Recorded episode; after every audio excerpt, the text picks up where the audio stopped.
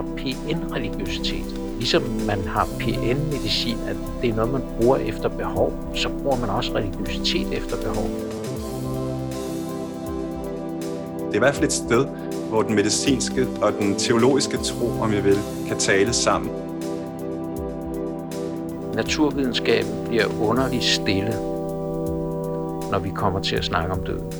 Øhm, døden unddrager sig direkte tale, og det betyder, at vi bruger indirekte tale. Og mens orgelpiberne klinger ud, vil vi gerne sige velkommen til stetoskopet. Velkommen til dagens program, der skal handle om sundhedsværdien af tro. Og øh, mit navn er Jaris, og jeg er uddannet læge. Og med mig i studiet har jeg to nye stetoskopører. Jeg hedder Bodil, og jeg er medicinstuderende. Jeg hedder Sofie, og jeg debuterer som sygeplejerske i stetoskopet i dagens program. Velkommen til. Det er jo en øh, fagprofil, vi har manglet indtil nu. Hvordan har det lige lavet sig gøre, at vi har kunne få en, øh, en ny jingle? Jeg havde en kontakt til Sola Aradatir, som er en ung islandsk organist i Ansgarkirken, og hun indvillede i at give det et skud med at spille vores jingle på Aarhus. Og jeg kan love, at det ikke er det sidste, I hører til hende i det her program. Sofie, hvad er øh, dit forhold til tro og religion? Når jeg tænker på tro, så får jeg et billede af en stor lænestol med et blødt ryglæn, man kan hvile sig tilbage i. Og det er ryglænet, der symboliserer troen som noget, der giver tryghed. Og som gør, at man ikke drætter helt ned af stolen. Netop. Jeg tænker også, at man kan sætte sig i stolen, når man har brug for det, og få den tryghed. For eksempel, når man, øh, når man møder modstand, eller hvis man skulle blive syg. Ja, fordi man kan sige, tro er jo i virkeligheden blevet meget privat, øh, og spiller forskellige roller for os alle sammen.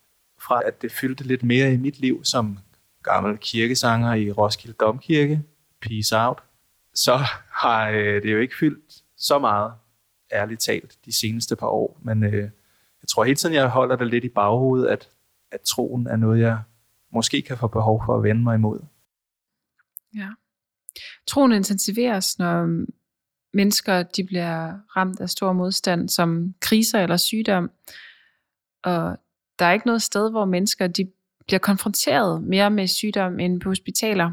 Tidligere har det været en del af standard journaloptag og spørge ind til åndelige og eksistentielle forhold. Men det er ikke i så høj grad praksis længere, har jeg indtryk af, Iris.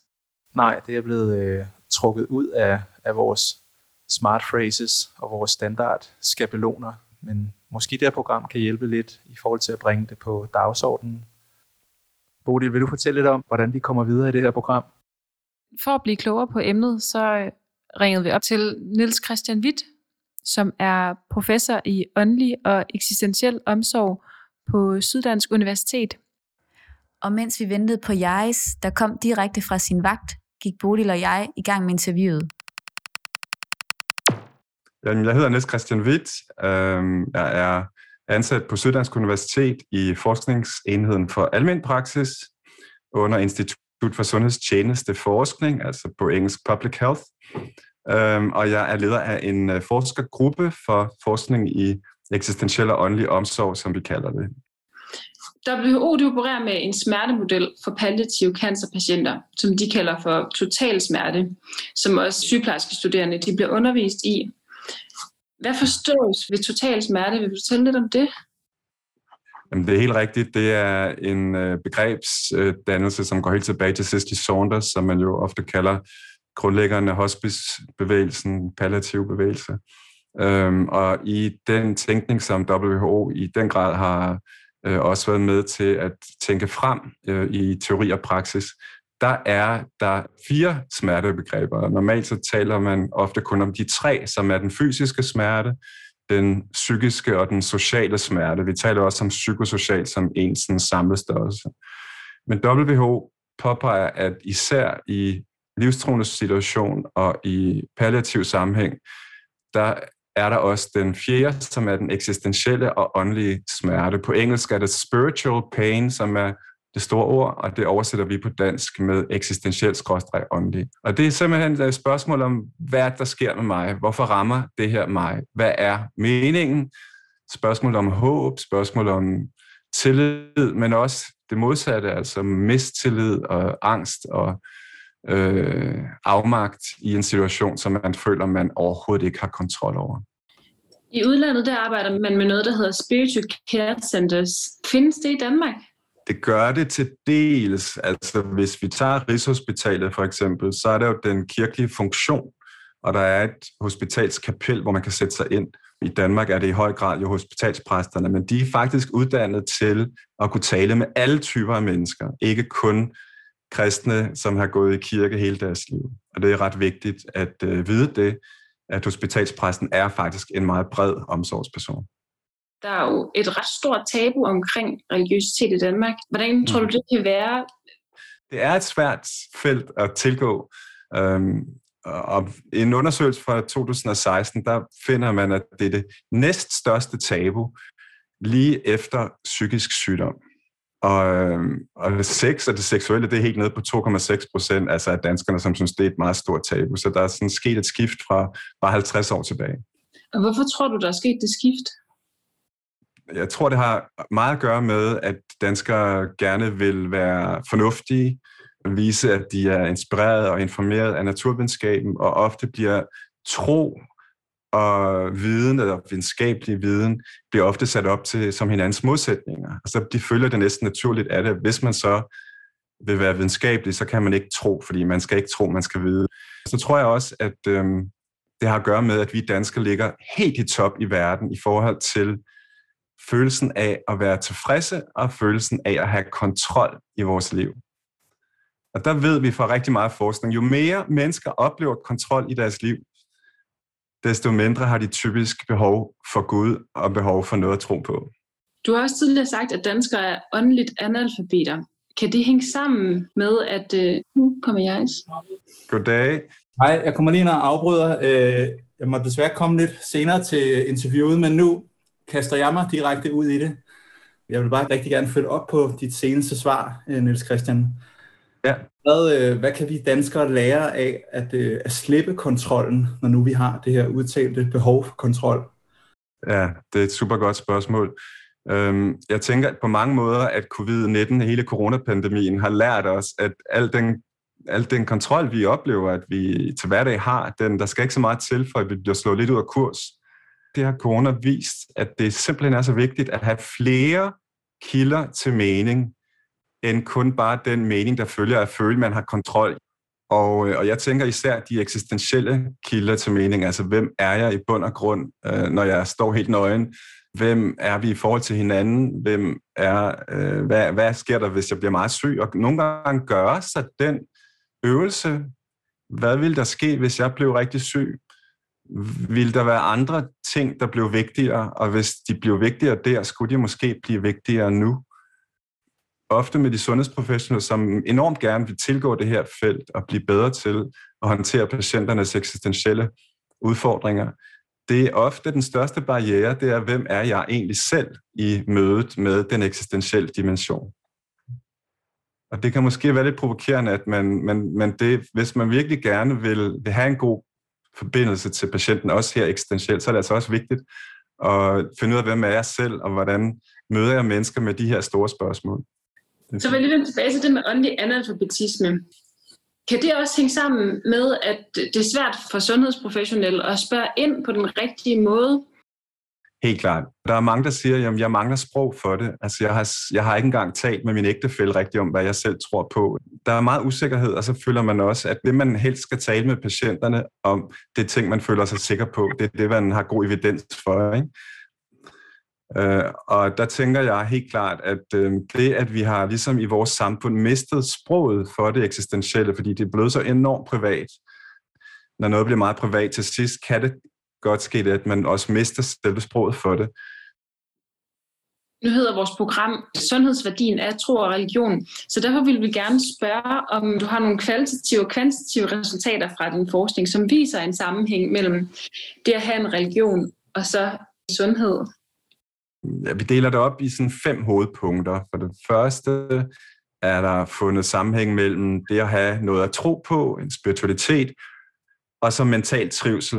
Det er især også inden for den positive psykologi, man har drevet den her øh, del af forskningen frem. Øh, så mental trivsel, dernæst øh, nedsat sygdomsrisiko, og forbundet dermed naturligvis også for det tredje nedsat, øh, altså lavere risiko for at dø simpelthen, altså lavere dødelighed hos mennesker, der har en tro. Og det er ganske meget faktisk. Altså i nogle undersøgelser er det øh, 40% lavere kraftincidens for eksempel i vores danske baptist- og adventist-kohorte. Øhm, og så er der også fundet i mange studier, at mennesker, der har noget, de tror på og håber på, typisk klarer sig bedre gennem sygdomsforløb. Og det vi primært jo har arbejdet med i mange kvalitative studier, men også store surveys, det er, hvordan det at have en tro kan hjælpe og kåbe med en krise. Og lige på hele paletten er det positive fund generelt, med mindre altså, at det religiøse bliver noget negativt, og det kan desværre jo også godt være tilfældet. Vi har talt ret positivt om religion, og det er det også for langt de fleste mennesker. Men der findes bare også nogen, og også mennesker, der måske har været troende et helt liv, så når de så bliver syge, så i stedet for at finde trøst i deres religion, så bliver Gud pludselig, i stedet for at blive den, man kan læne sig op ad og have finde trøst i, bliver Gud pludselig, okay, det er, nu får jeg min kraftsygdom, det er Guds straf for det, jeg har gjort galt. Jeg fik en abort, da jeg var 17, eller et eller andet, som, som vi har mødt patienter, der har talt om. Og, og den form for negativ religiøs coping øh, er forbundet med dårlige sundhedsoutcomes på alle fem parametre. Og i din forskning kunne man så forestille sig, at der kunne være nogle faktorer, der spiller ind på resultaterne i forhold til den her positive sammenhæng, man ser mellem tro og religion. Kunne man forestille sig, at sådan noget som øh, klasseforskel og det at have et øh, socialt tilhørsforhold mm. i form af sin religion, eller nogle bestemte livsstilfaktorer, de kunne, øh, de kunne påvirke resultaterne?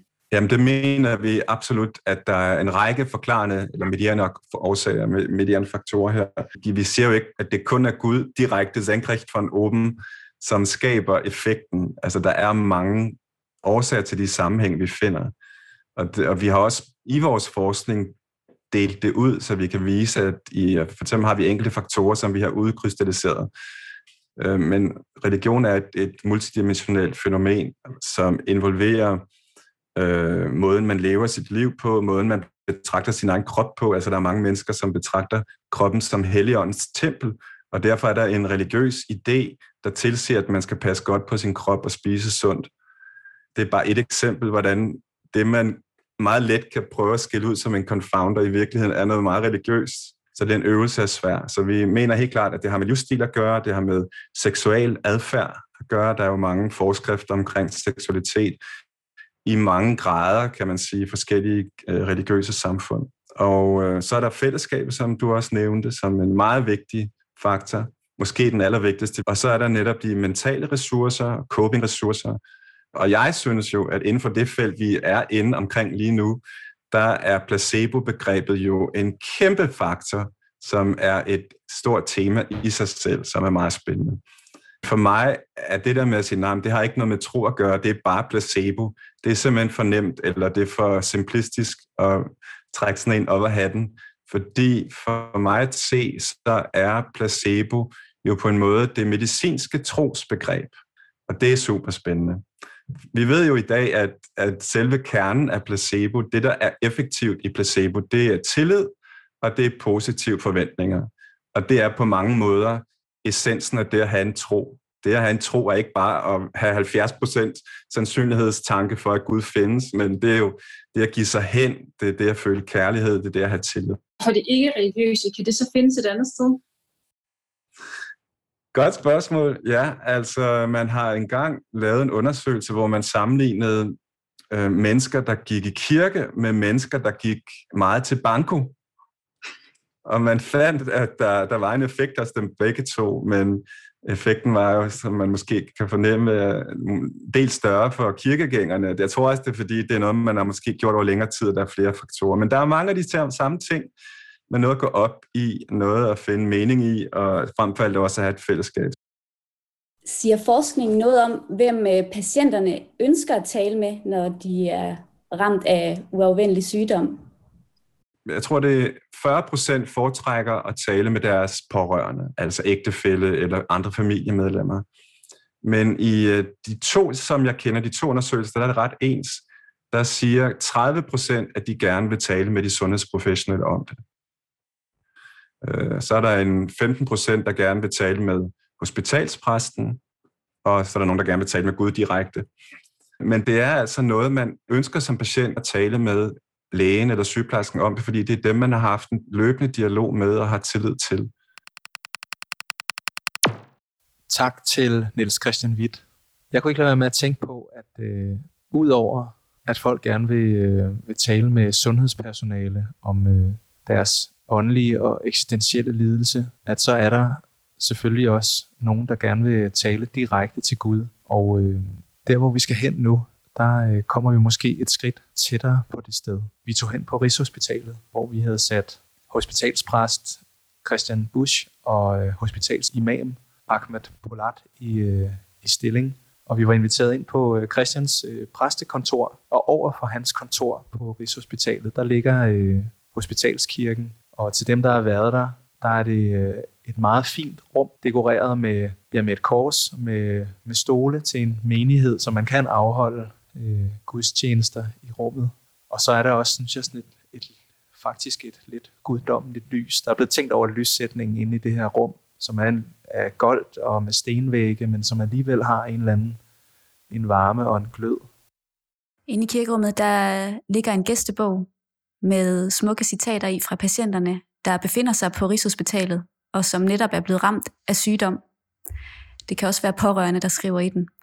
Vi, øh, vi har kigget lidt i gæstebogen, og har fundet nogle citater derfra, som vi skal høre nu. Ja, til tonerne er Sola Aradottirs orgelspil. Kære Gud, pas godt på min mor, og tak fordi du gav hende til mig. Hjælp mig med at holde forbindelsen til hende. Giv mig små tegn.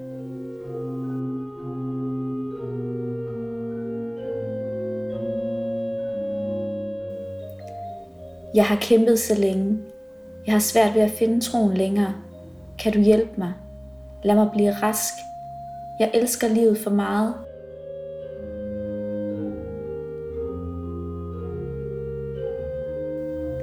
Hej du gamle. Pas godt på svigerfar.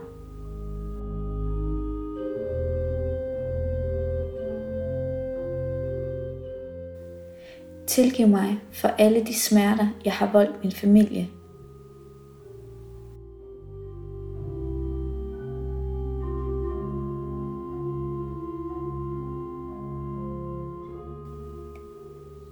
Jeg tror på, at lægerne ved, hvad de gør. Jeg lægger mit liv i deres hænder.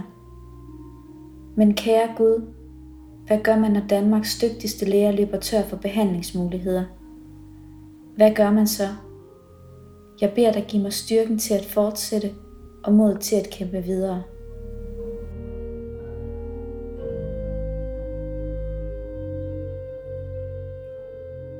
Gæstebogen og citaterne, vi har hørt, de giver et særligt indblik i patienternes helt private tanker om religion og tro. Og så er det en måde at kunne skrive sine tanker ned, der hvor det er svært at tale om dem.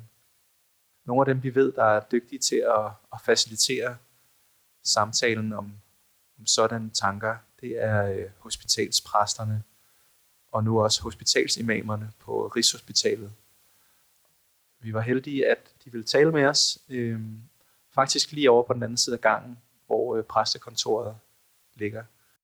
Ja, og Christian Busch, han er hospitalspræst og har været det i 35 år på Rigshospitalet Glostrup. Han har også været præst i et fængsel, Vestre Fængsel, i et par år. Så hans erfaring med at tale med patienter, der har brug for åndelig og eksistentiel omsorg, er omfattende til at supplere ham, der øh, var vi også heldige, at Ahmed Polat ville tale med os. Ahmed han er hospitalsimam på Rigshospitalet, og samtidig er han øh, koordinator for etnisk ressourceteam, som er et, øh, et team, der henvender sig til patienter og pårørende øh, med særlige kulturelle behov. Og de har også øh, tilbud til sundhedspersonale, der hvor ansatte føler behov for, øh, for særlig rådgivning. Hvilken funktion varetager I som hospitalspræst og hospitalsimam? Jamen altså, jeg vil sige, at, at altså, det allermeste for os hospitalspræster, det er sådan set at stå til rådighed for patienter og pårørende. Mange tænker, jamen, øh, når man er præst, så er det nok noget med ældre og døende og sidde ved den døende osv. Der var engang en journalist, der spurgte mig, hvad siger sådan en præst til sådan et gammelt menneske, der ligger ved at dø og så videre. Ikke? Og så sagde han, det er jo ikke så meget dem, jeg møder dem, jeg møder, det er ofte øh, en relativt yngre patient, som har fået en alvorlig sygdom ind i sit liv, eller der er sket noget med et barn. Øh, et af de områder, hvor der er allerstørst forventninger til, at det skal være allerdejligst og verdens bedste fortælling, så lige pludselig så sker der et skred. Øh, barnet bliver født med en hjertefejl, eller født alt for tidligt. Det er et eksistentielt chok. Det er faktisk der, jeg møder dem øh, meget ofte øh, også kræftpatienter, hjertepatienter, der sker noget midt i livet. Mange af dem, der sådan er vældig ældre, de, de klarer sig egentlig meget godt, og ved godt, at skrøbelighed kommer, mange af dem. Så det er ikke så meget af dem, jeg ser. Jeg ser faktisk relativt yngre mennesker, som oplever et, et voldsomt øh, skifte i deres liv. Jeg kalder det for et eksistentielt chok, og det er ofte udgangspunktet. Så det er meget der, og så de pårørende selvfølgelig nogle gange, så det ved vi jo, så er det de pårørende, der er mere stresspåvirket i længere tid end patienten. Patienten ligger måske på intensiv. Den, der går med, med alle bekymringerne, det er den pårørende, og nogle gange så taler vi også med de pårørende, så det er mest det. Og så har vi ligesom Ahmed også en masse undervisning af personale og står til rådighed for personale. Som hospitalsimam øh, øh, står jeg også over for de samme situationer, som øh, Christian fortalte. Øh, jeg oplever også, øh, udover det, at øh, patienter eller pårørende har ønske om, øh, om, om vejledning, og de spørger ind til, hvordan og hvorledes de skal forholde sig til nogle ritualer, eller om der er nogle ting, de, de, de kan gøre den sidste del af deres liv. Og vi har jo etnisk ressourceteam, som også øh, fungerer rigtig godt ved siden af øh, øh, hospitalsimam arbejdet, og etnisk ressourceteam har også et tilbud til øh, sundhedspersonale, som, som øh, mangler en, ikke en tolk, men en kulturel oversætter, kalder vi det for. En, der ligesom kan danne et bro, øh, en bro mellem patienter, pårørende og sundhedspersonalet, øh, hvis de nu oplever nogle udfordringer. Er der nogle krav, man skal opfylde for at få en samtale med jer? Ja, det kan man godt sige. Det er, at man ønsker at se en præst. Altså, vi kommer aldrig uinviteret. Øhm, I hvert fald ikke her. Der går vi ikke sådan stuegang på et afdeling og stikker hovedet ind og siger, det er præsten goddag. Vi kommer kun, hvis vi er ønsket. Så det er det, er det krav, der er. Det er det samme, tror jeg, der gælder for imam. Enig. Ja. Øh, de fleste sygeplejersker kender os. Vi prøver jo at præsentere os så godt som muligt. Øh, og hvis de nu opdager eller øh, finder det relevant, at, altså at patienten eller deres pårørende har brug for øh, en samtale, eller de kunne have gavn af at, at, at møde en præst eller en imam, så får de det tilbud. Øh, nogle gange kan de også blive tilbudt om, om de har lyst til at tale med en psykolog. Så det er jo med invitation, at vi træder øh, ind. Kan I uddybe nogle af de øh, situationer, hvor I oplever, at patienterne efterspørger en samtale? Det er jo meget ofte, som Ahmed siger, det er meget ofte personalet, der er, er formidler af samtalen. Det er en sygeplejerske, en øh, læge, mere typisk en sygeplejerske end en læge, som, øh, som, som ser, at en patient er ked af det, øh, måske sidder og snakker om, det er så meningsløst, eller det er så uretfærdigt, jeg er blevet ramt, eller måske indimellem også siger, jeg magter ikke at leve mere, eller sådan et eller andet, ikke? og har måske meget mørke tanker, og og, eller har svært ved at finde et håb, og kan have mange af den slags udtryk, sådan mere almen. Og så kan de sige, jamen, kunne du have lyst til at tale med en? Det kunne også være en præst. Øh, øh, og der, der, skal ikke, der er ikke noget krav om, at man skal præstere en eller anden form for religiøsitet eller sådan et eller andet. Det er, vi, vi dukker op som et medmenneske, der viser interesse for det, som er det menneskes spørgsmål. Og jeg vil sige, en god brug af os, både imam og, og præst, det er jo, hvis det handler om noget eksistentielt, åndeligt, specifikt religiøst. Øh, altså, vi, vi tager os jo ikke af psykologiske belastninger som sådan, men, men, øh, men sorg, tristhed, det, jeg kalder for det eksistentielle chok, at der sker noget med os, når vi oplever sygdom. Der sker noget med vores forståelse af, hvem vi er. Det er jo ikke noget, det kræver ikke, at man, man sidder som en filosof, som Søren Kierkegaard, og, og reflekterer over livets store mening osv.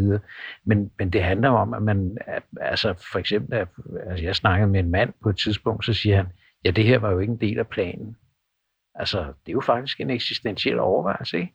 For så spørger jeg selvfølgelig, nå nej, for hvad var det nu planen var? Og så siger han, jamen sidste år gik min kone på efterløn, nu skulle jeg lige til at gå på pension. Og så skulle vi rigtig til at leve livet og rejse. Ikke? Der er jo en drømmefortælling, en drømme selvforståelse, som krakelerer. Der er jo en kæmpe eksistentiel sorg knyttet til, til, til, til, til den bemærkning. Ikke? Altså en anden sagde, han havde fået en hjerne, hjerneblødning, så vidt jeg husker, ikke var blevet delvis lammet. Så, og han var arkitekt, ikke? så sagde han, jamen altså, jeg har, jeg har ligesom stået med et stort legohus i hånden, flot, og været glad for det. Og så har jeg tabt det hele på gulvet. Det er jo sådan de der metaforer for den, hvad sker der med os eksistentielt, når vi oplever at miste den, vi er i verden. Ikke? Vores forståelse af, hvem vi er. Ikke? Øh, det hus, som, som han taler om. Ikke? Altså en kvinde sagde på kræftafdelingen, nu er ikke bare guldtæppet revet væk, nu er gulvbrædderne også væk. Ikke? Der, der er mange eksistentielle metaforer for at miste kontrollen, miste følelsen af, hvem jeg er i verden. Ikke? Og det er jo ikke sådan, så folk de sidder og siger, nu har jeg altså mistet min eksistentielle selvforståelse og har fået et eksistentielt chok. Så, sådan snakker man ikke. Men, men vi fører en samtale, hvor selvfølgelig det fokus, som vi har, det handler om det eksistentielle element i det, det religiøse. Ikke? Vi vil gerne stille jer spørgsmålet også, øh, hvad I forstår ved begrebet sjælesørger.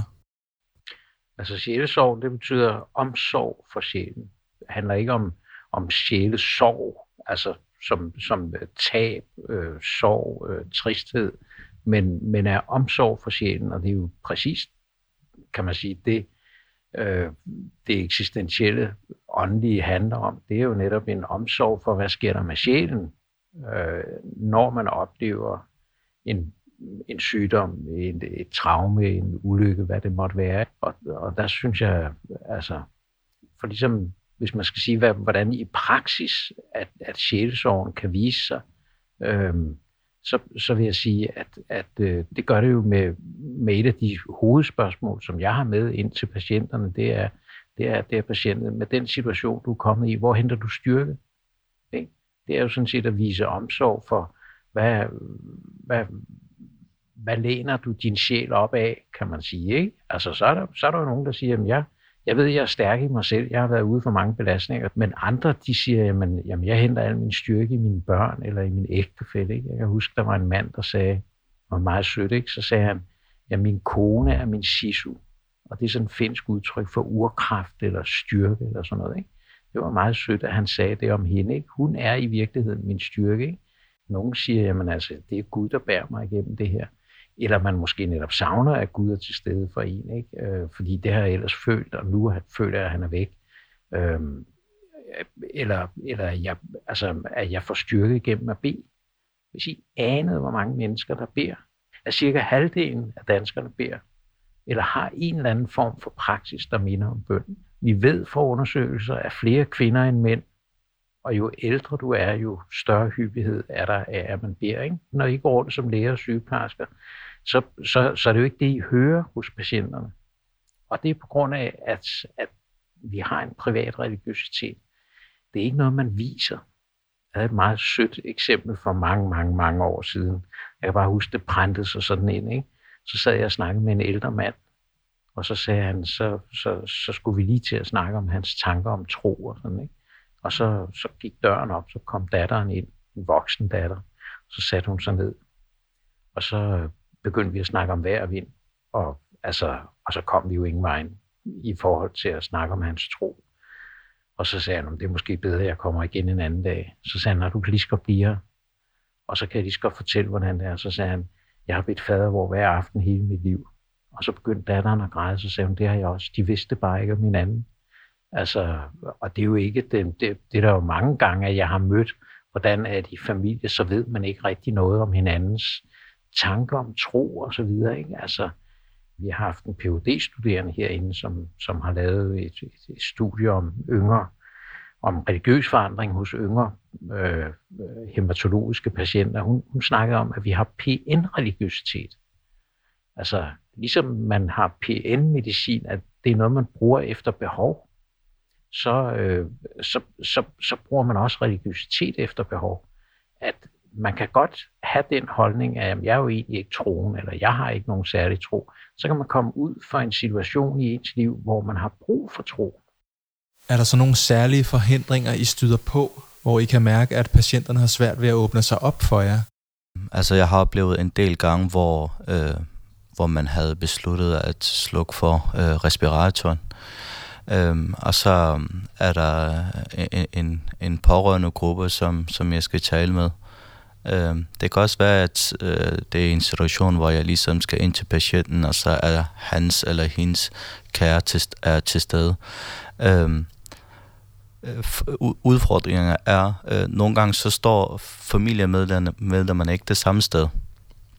Det kan være i, for, i forhold til fjernelse af respiratoren, så, så kan det være, at moren, det vil sige hustruen til øh, patienten, øh, er, er, er okay, forstå mig ret, øh, med at øh, lægerne har truffet det her valg. Og så kan det godt være, at datteren eller sønnen siger, nej, uanset hvad, så skal vi ikke fjerne respiratoren. Øhm, og der, det kan godt være en udfordring øhm, intern, kan man sige. Øh, og nogle gange er det også, hvor, hvor jeg går ind til patienten, og så ønsker familiemedlemmerne, at øh, deres far eller mor skal åbne sig op over for mig. Nu er der kommet en imam. Du skal bare stille alle de spørgsmål, du har lyst til at spørge.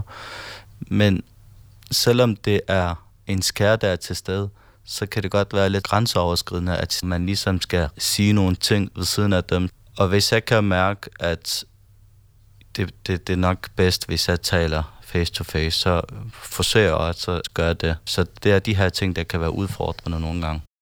Umiddelbart så, så er der jo mange barriere af den art. Det er jo også noget med, øh, om man skal åbne op. Altså, det skal vi passe på, ikke? Og, øh, altså, vi lever i en tid, hvor du får gode karakterer, hvis du kan tale om dine tanker og følelser.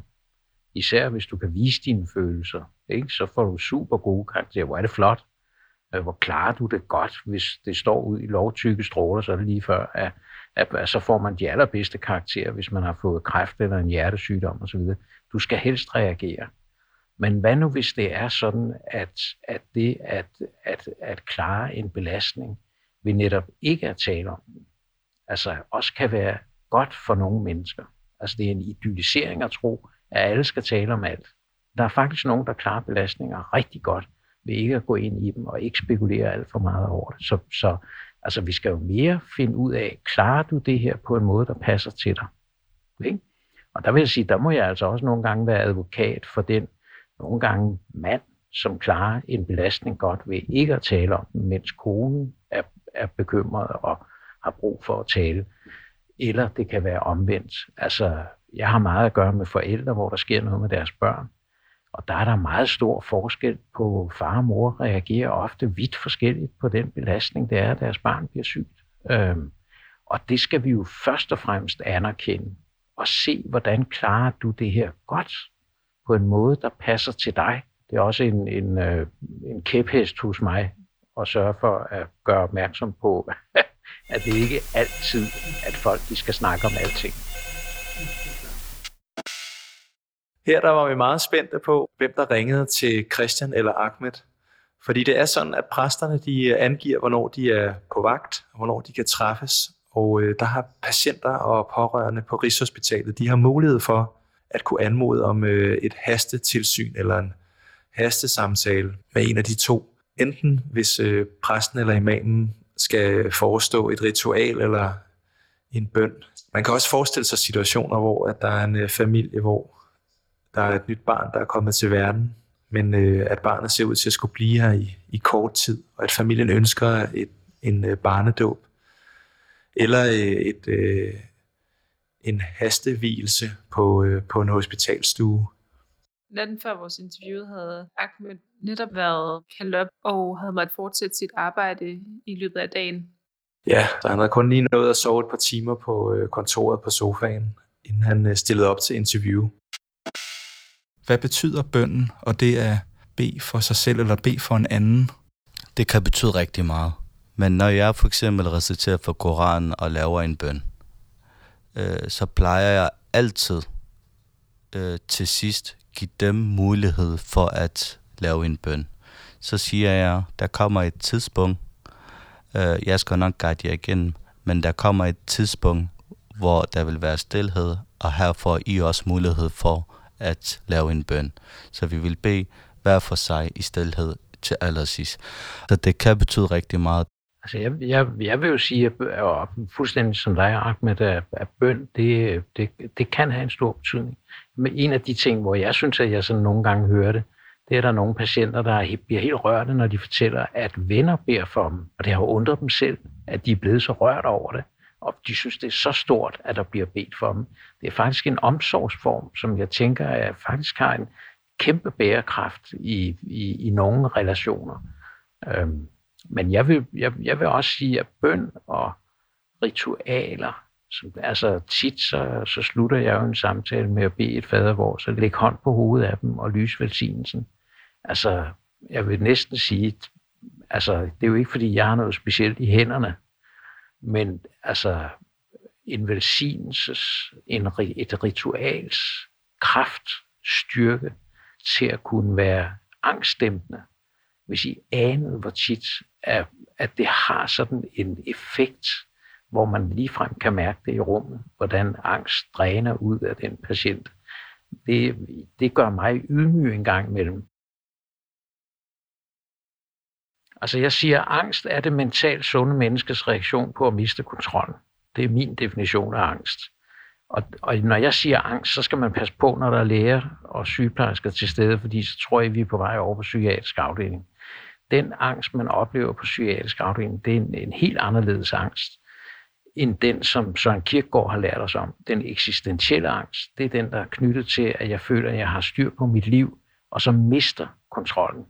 Altså, øh, der er masser af metaforer, der handler om, at så faldt jeg ned i et mørkt hul, eller en kræftpatient, der sagde, øhm, nu har jeg ikke bare fået trukket gulv, gulvsæt væk under, men nu er gulvbrænder også væk. Så er der jo ingenting, og det er det intet, som er angstens grund. Altså Heidegger, en filosof, siger, at hvis du spørger et menneske, der lige har haft et stort angstanfald, hvad var det egentlig, du var bange for? Så vil det menneske typisk sige, at der var jo ingenting. Der stod ingen løve, der stod ingen tiger. Der kom ikke en med en økse. Og så, så, så siger Heidegger, folkesproget røber, hvad angst er angst for, nemlig ingenting. Det er det intet, der er på færre i angsten. Og det er fordi, det handler om det intet, at det er så svært at sætte sprog på. Så det, det er en af grundene til, at det bliver overset både af patienter og ikke mindst af sundhedspersonale. Undskyld, jeg siger det. men, men jeg synes, det er meget interessant at, at, at hjælpe patienter med et sprog, for det tab af kontrol, som angsten handler om. Jeg siger nogle gange, så siger jeg, at angst er et af de mest væsentlige symptomer for patienter, der oplever en svær sygdom. Og det er samtidig et af de mest oversete symptomer på Rigshospitalet og på alle hospitaler, som der bliver i tale sat så lidt, fordi det er svært at finde et sprog for det intet, som angsten handler om i kirkegårds forstand, i eksistentiel forstand. Og det er jo faktisk den, man meget arbejder med, også inden for det religiøse, specifikt religiøse, at det intet er der faktisk også stadigvæk nogen, der bærer dig. Nogen taler om, at jeg har en skytsengel eller sådan et eller andet. Ikke? At man kan, man kan have nogle andre måder at tale om det på, at der er noget, der er større end mig, som bærer mig igennem det her. Og hvis de ikke tror på en Gud, hvad kan så bære dem? Jamen altså, så jeg siger nogle gange, at når det handler om angst, så må vi hjælpe folk med at finde, hvad kan hjælpe dig? Det er jo ikke altid, vi skal gå ind i angsten og snakker om den. Nogle gange skal vi jo aflede angsten. Hjælper det at, at øh, tænde for fjernsynet, at, øh, at gå ud og tage en kop te ude på gangen, øh, se om natten, tit er angsten jo værst. Og en, en gang så skal vi have lavet en undersøgelse herinde, det må I hjælpe mig med, en undersøgelse om, hvorfor er der så mange patienter, der skal have noget at falde i søvn på, når de ligger på Rigshospitalet, kun fordi der, der er larm og uro og sådan. Nej, altså de skal jo selvfølgelig, fordi der er tankemøller. Der er virkelig larm indvendigt, og det er tankerne, de pisker ud og siger, at det ender, det ender galt, øh, det ender med, at jeg dør. Ikke? Hvorfor lige mig? Hvad har jeg gjort, siden det rammer mig? Hvad er meningen med det her? Alt det der ligger og tumler rundt, sat i gang af angsten. Jeg synes, det er påfaldende, at når jeg sidder og snakker med patienter om angst, så er jeg ofte den første, der nævner ordet angst. Og så, så ofte så spørger jeg dem, hvad, når nu du har det der med, at du ligger vågen om natten, og tankerne kører, og uro i kroppen, så siger jeg, at det hedder noget. Øh, vil du have en diagnose, kan jeg finde på sådan at udfordre dem, ikke? Og så siger de, hvad mener du? Så siger jeg, jeg tror, jeg kan give dig en diagnose. Og så, så siger de, nu må du sige, hvad det er. Så siger jeg, kunne det her være angst? Og så siger de, nå ja, det er angst. Og så siger jeg, vil du hvad, nu har du fået en diagnose på, at du reagerer fuldstændig, som man må forvente, når man mister kontrollen. For angst er det mentalt sunde menneskes reaktion på at miste kontrollen. Og det er forventeligt. Og der er bare ikke så mange, der taler med patienterne om det. Hvordan i tale sætter I døden? Hvor langt rækker sproget, når, når I møder mennesker og skal formidle det begreb? Naturvidenskaben bliver underligt stille, når vi kommer til at snakke om døden. Øhm, døden unddrager sig direkte tale, og det betyder, at vi bruger indirekte tale, hvor filosofi siger, at hvis der skal være alvor i livet, så dur det ikke, der er noget efter døden. For det er døden, der sætter alvoren i livet. Ikke? Altså hverken psykologien eller filosofien går hen over dødens grænse.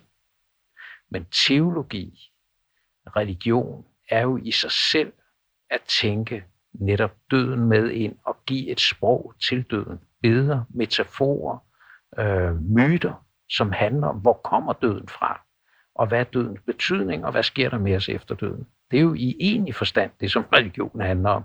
Så selvfølgelig har alle religioner noget at sige om døden. I islam tror man jo på, at der er et liv efter døden. Så, så døden er faktisk starten på evigheden. Og det, det er jo der, hvor vi er brødre og søstre i troen, Ahmed.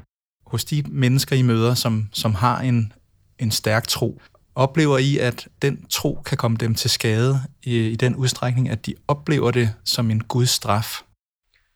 Altså, det sker ind imellem. Man kalder det for en negativ religiøs mestring. At man, at man klarer en belastning som en sygdom. Negativ netop fordi man har en tro. Det kan for eksempel være oplevelsen af Guds forladthed eller netop af sygdom som udtryk for straf. Og, og øh, altså det er også nogle af de tilfælde, hvor jeg oplever, at vi bliver brugt som præster. Det er, hvis, hvis, hvis patienter ligger her og måske siger til en sygeplejerske, hvad har jeg dog gjort, at det her er en straf, øh, at jeg er blevet syg og så videre. Ikke? Øh, og, og, og der, der synes jeg, det er meget relevant, at vi kommer ind over, fordi altså i hvert fald i kristendommen, så, så, så er der ikke sammenhæng mellem skyld og skæbne. Det er sådan et hovedudtryk, at, at du får ikke, som du fortjener.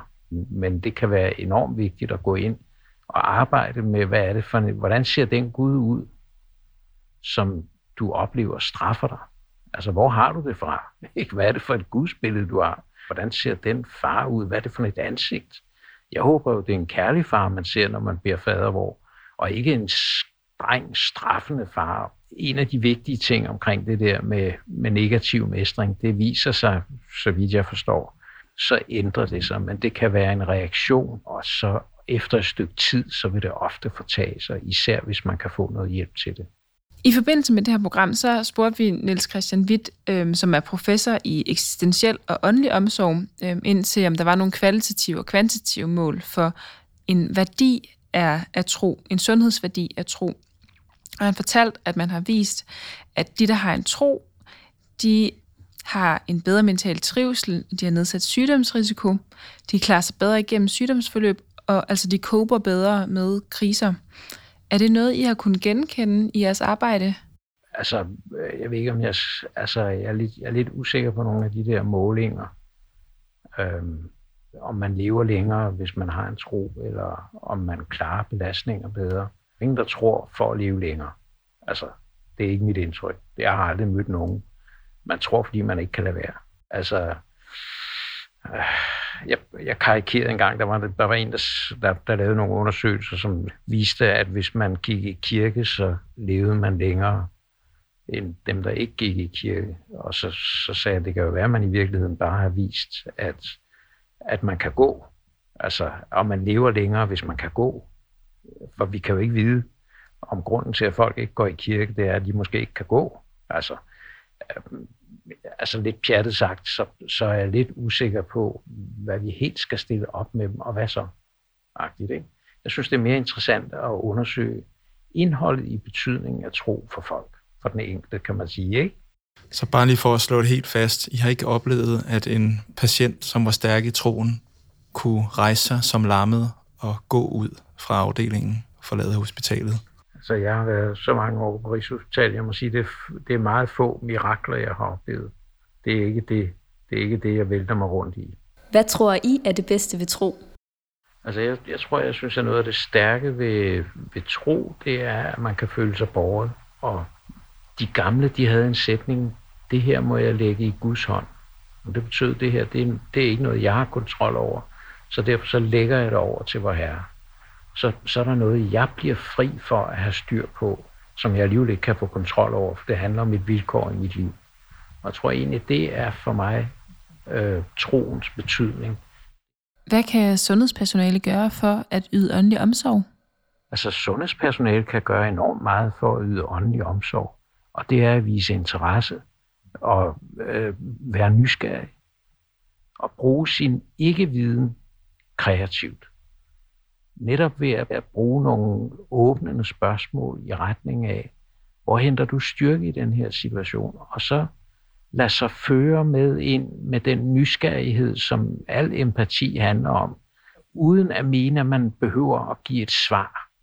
Skal der gives et svar, så kan man måske få fat i en præst eller en imam senere. Men det allervigtigste i forhold til åndelig omsorg, det er faktisk nysgerrighed og villighed til at gå med ind i et mørkt rum og kigge samme vej som patienten og prøve at undersøge, hvad er der i det her mørke, og er det kun, er det kun mørke? Er der ikke noget, der bærer? Er det, hvor henter du styrke i den her situation, når nu det er, som det er? Man behøver ikke som sundhedspersonale at kunne sidde ned og bede en bøn med en patient, men man kan være til stede med sin nysgerrighed og jo mindre man ved, jo mere nysgerrig må man jo være. Der er en lille ting, som jeg faktisk synes er lidt interessant. Og det er, at ret mange patienter i Danmark har faktisk en tro. Men der er ikke mange, der ønsker at tale om deres tro og deres eksistentielle overvejelser med sundhedspersonale. Altså, det er faktisk lidt interessant. Øh, der blev lavet en undersøgelse for nogle år siden af en, der hedder Heidi Frølund, en, en psykolog i Aarhus. Og hun viste, at 3,6 procent af de 111, som hun havde snakket med, sagde, at de ville gerne diskutere deres eksistentielle overvejelser med sundhedspersonale. Ingen af dem ønskede at tale om deres religiøse overvejelser. Det synes jeg, sundhedspersonalet kunne overveje. Hvordan kan det være? Selvfølgelig ved vi godt, at meget religiøsitet er privat religiøsitet, og det er et af de mest private områder men at der er så få, der ønsker at tale med en læge eller en, eller en sygeplejerske om de her temaer, har vi faktisk fået givet et billede af sådan en grad af fortravlighed, som en af de ting, jeg tror, det handler om. Ikke? Har vi fået sagt til, at vi har så travlt, så ingen vil besvære deres læge eller deres sygeplejerske med deres tanker. Jeg synes, det er bemærkelsesværdigt, hvordan professoren og præsten har forskelligt syn på sagen i forhold til flere af de ting, vi har været omkring. Altså jeg forestiller mig, at Christian Busch og Ahmed Polat, der som øh, præst og imam og praktiker, kan have svært ved at, øh, at se de her målbare effekter. De har set så mange nuancer af åndelig og total smerte, og mødt så mange forskellige reaktioner fra mennesker i eksistentielt chok, at samtaleudbyttet og troens effekt ikke kan kortlægges. Jeg synes, en, en pointe fra både øh, Niels Christian Witt og Christian Bus og Ahmed Polat, det er, at det er muligt at yde åndelig omsorg blot ved at stille sig nysgerrig. At det faktisk ikke kræver så meget, som man måske skulle tro. Det må være noget, vi tager med i kittel om den bevidsthed, når man er sundhedsansat. Men det er også vigtigt at bruge den nysgerrighed og det blik ude i det virkelige liv, selvfølgelig. Og måske kan man yde åndelig ejendomsorg ved at stille sig selv det spørgsmål, som Christian Busch gør flere gange. Hvor henter jeg styrke henne? Klarer jeg det her på den måde, der er passende til mig? Og med det øh, er det et rigtig godt sted at afslutte med en bøn. Men før det vil vi lige huske at sige Paxe bonum. Amen. Og tak fordi I lyttede med. Så tænkte jeg faktisk på, Ahmed, om du ville have øh, lyst til at fremsige en kort bøn på arabisk, måske til øh, de mennesker, som øh, ligger på Rigshospitalet lige nu, eller som øh, en dag måske vil, vil komme her. Ja. Så tager vi øh, surah al-Fatiha, som er åbningskapitlet i Koranen. Det er måske det, der svarer til fadervor.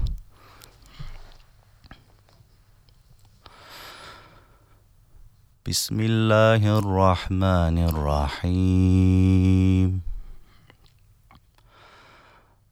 الحمد لله رب العالمين. الرحمن الرحيم. مالك يوم الدين. إياك نعبد وإياك نستعين. اهدنا الصراط المستقيم صراط الذين أنعمت عليهم غير المغضوب عليهم ولا الضالين